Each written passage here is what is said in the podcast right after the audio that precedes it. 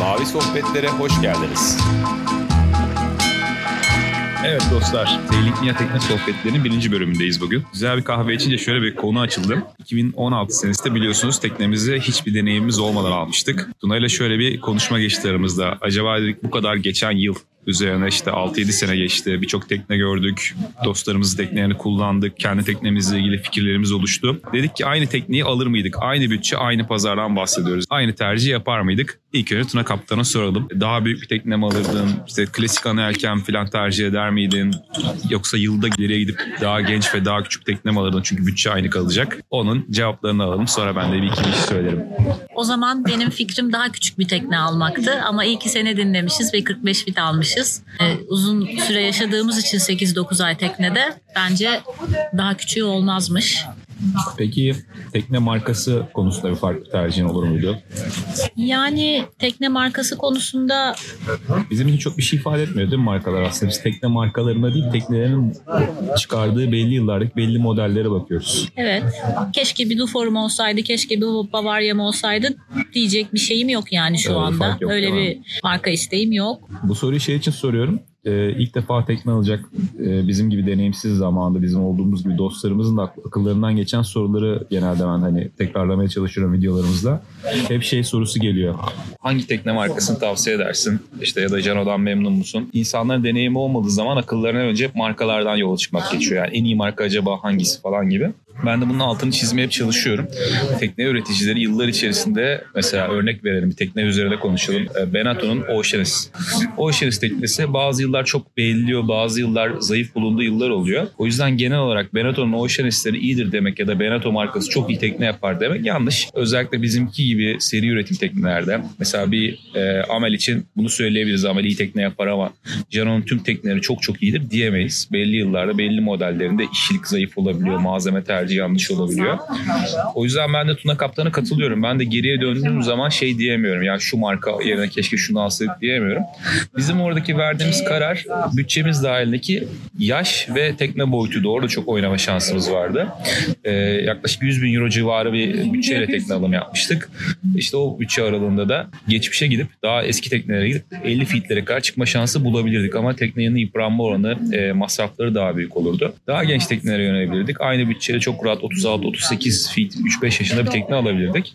Ama e, ben de yine Tuna Kaptan'ın da dediği gibi e, katılıyorum. Çok iyi ve şanslı da birazcık tercih yapmışız. Biraz sezgisel hareket etmiştik.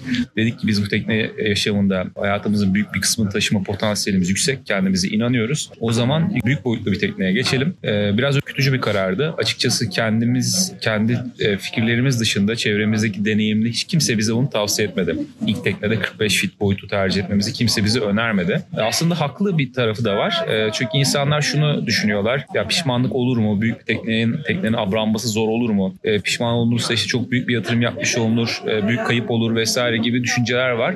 Fakat madalyonun öbür tarafında da biz eğer 38-40 feet bir tekne tercih edip daha sonra bunu birkaç yıl içinde büyütme arayışına girseydik zararımız olabilirdi. Aynı fiyata satamayabilirdik. Tekne piyasası bugün kadar hareketli değildi geçtiğimiz 3-4 sene içinde. İkincisi çok büyük bir yorgunluk. Yani biz alacağımız teknemizi ilk teknemizi yine adapte edecektik kendi yaşamımıza. Birçok masraf yapacaktık. Eksiklerini giderecektik ve ne yapacaktık? Tam teknemiz oldu demişken hadi biz bu tekneyi büyütelim. Tekne arayışına girecektik. Ve maalesef de işte o zaman e, tekne fiyatlarının yükseldiği bir dönem olacaktı. Şu anki gibi bir tekneyi bulmak da aynı fiyata büyük ihtimalle çok zorlanacak. O yüzden e, böyle kısa bir bahsetmiş olalım. Böyle bir çek yapmış olduk kendi kendimize sohbet ederken dedik. Acaba doğru muydu? Farklı bir şey yapar mıydık? Hem size yeni bir tekne almayı düşünüyorsanız özellikle ilk teknenizi alacaksınız kuruyorsanız veya alma hayali kuruyorsanız e, yönlendirici olabilir, faydalı olabilir de böyle paylaşmak istedik Tura Kaptan'da.